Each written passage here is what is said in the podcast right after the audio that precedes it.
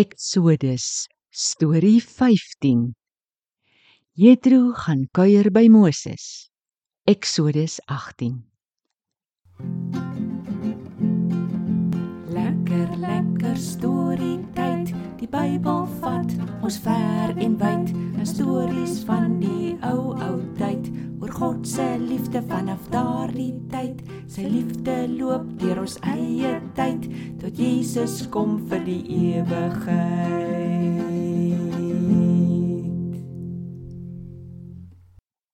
Hallo Ngots. Hallo Tannie Karen. Hallo julle. Tannie. Hoekom klink Tannie so moeg?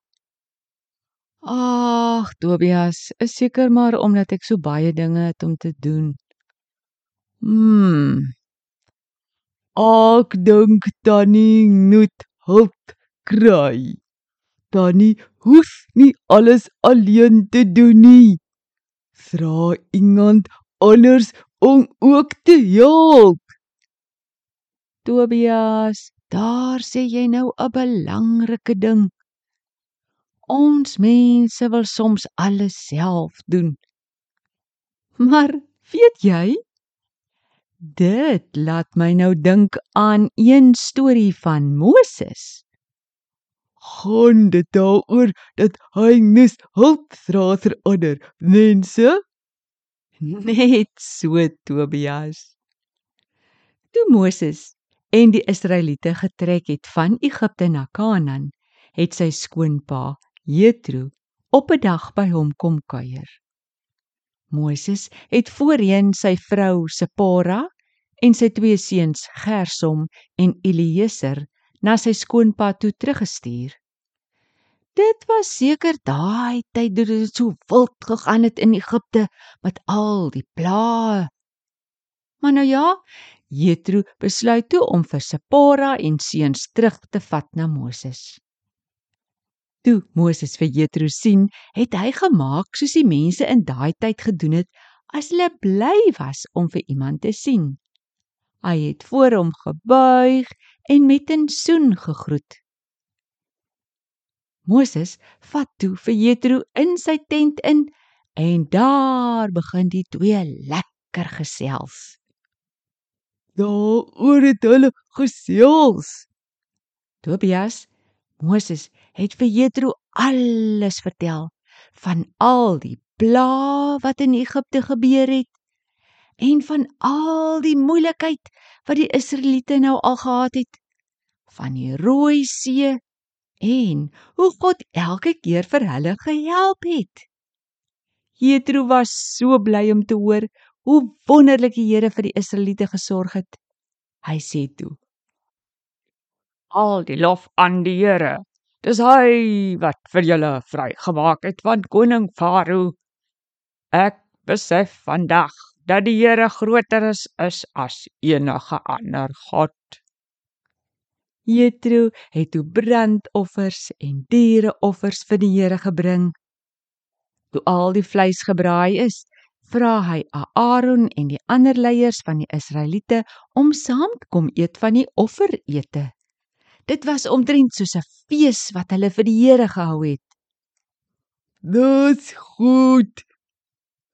Bly Jethro toe nog 'n daar daar? Ons weet nou nie hoeveel dae hy gebly het nie, maar hy het definitief daai nag ook nog daar geslaap. Die volgende dag was 'n lang dag vir Moses.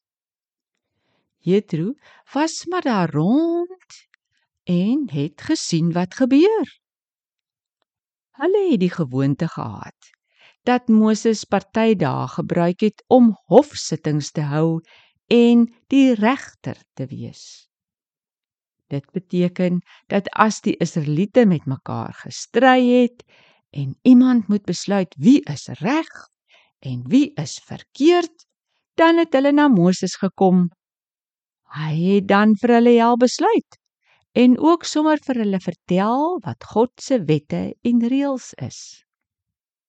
Wat sê Jethro toe daar dan? Wel, Jethro het gesien die mense het gekom en gekom en gekom. Hulle het in 'n lang ry gestaan en gewag en gewag. So het die mense van die oggend tot die aand toe vir Moses gestaan en wag. Jethro sê toe: Moses, wat doen jy? Hoekom is jy die enigste regter vir die volk? Kyk, hoe lank moet die mense in die rye vir jou staan en wag? Nee man, jy en die mense gaan uitgeput raak.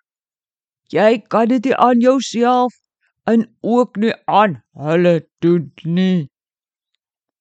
Moses het gesê dat die mense wou weet wie is reg en wie is verkeerd en ook wat God se wil is. Jethro gee toe vir Moses 'n plan. 'n Plan? Ja. Jethro het gesê: Moses, hierdie werk is te veel vir jou. Jy kan dit nie alleen doen nie. Luister nou na my raad en God sal jou daarmee help. Jy moet die een wees wat vir God vra wat jy moet doen en dan moet jy dit vir die mense leer. Maar vir hierdie hofsaake moet jy vir jou slim, wyse manne kies wat hou van waarheid en vir ander mense omgee. Stel 'n klomp aan oor 1000 mense. 'n Klomp oor 100. Nog 'n klomp oor 50 en dan nog 'n klomp oor 10 mense. As die mense dan stry, gaan hulle eers na die man oor 10. As hy dit nie opgelos kry nie, gaan hulle dan die man oor 50 en dan oor 100 en dan oor 1000. Eers as hulle nie die probleem opgelos kon kry nie, kom hulle na jou toe. Het die plan gewerk? Ja, dit was 'n baie goeie plan. Moses het presies gemaak soos Jethro gesê het. Die mense is baie gouer gehelp en was baie meer tevrede. Jethro het toe vir Moses, Sipora en sy kleinseuns gegroet en hy is terug na sy eie land Midian toe. Orde Daddy. Lyk my Daddy moet ook na Jethro luister. Jy's reg, Tobias. Ons mense moenie lui wees nie. Maar ons moet ook nie dink ons is die enigstes wat iets reg kan doen nie. Ander mense kan en wil vir ons help. Dit hoor ons mooi in hierdie storie. Goed.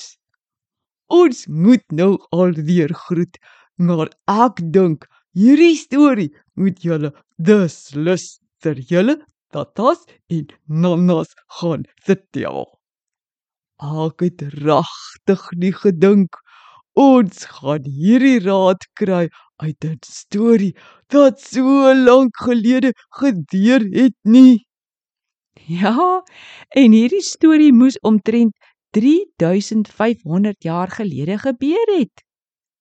Dit wys weer dat God altyd was en altyd sal wees en altyd vir die mens wil help met slim planne. Mats, ons groet dan tot 'n volgende keer. Totsiens. thank you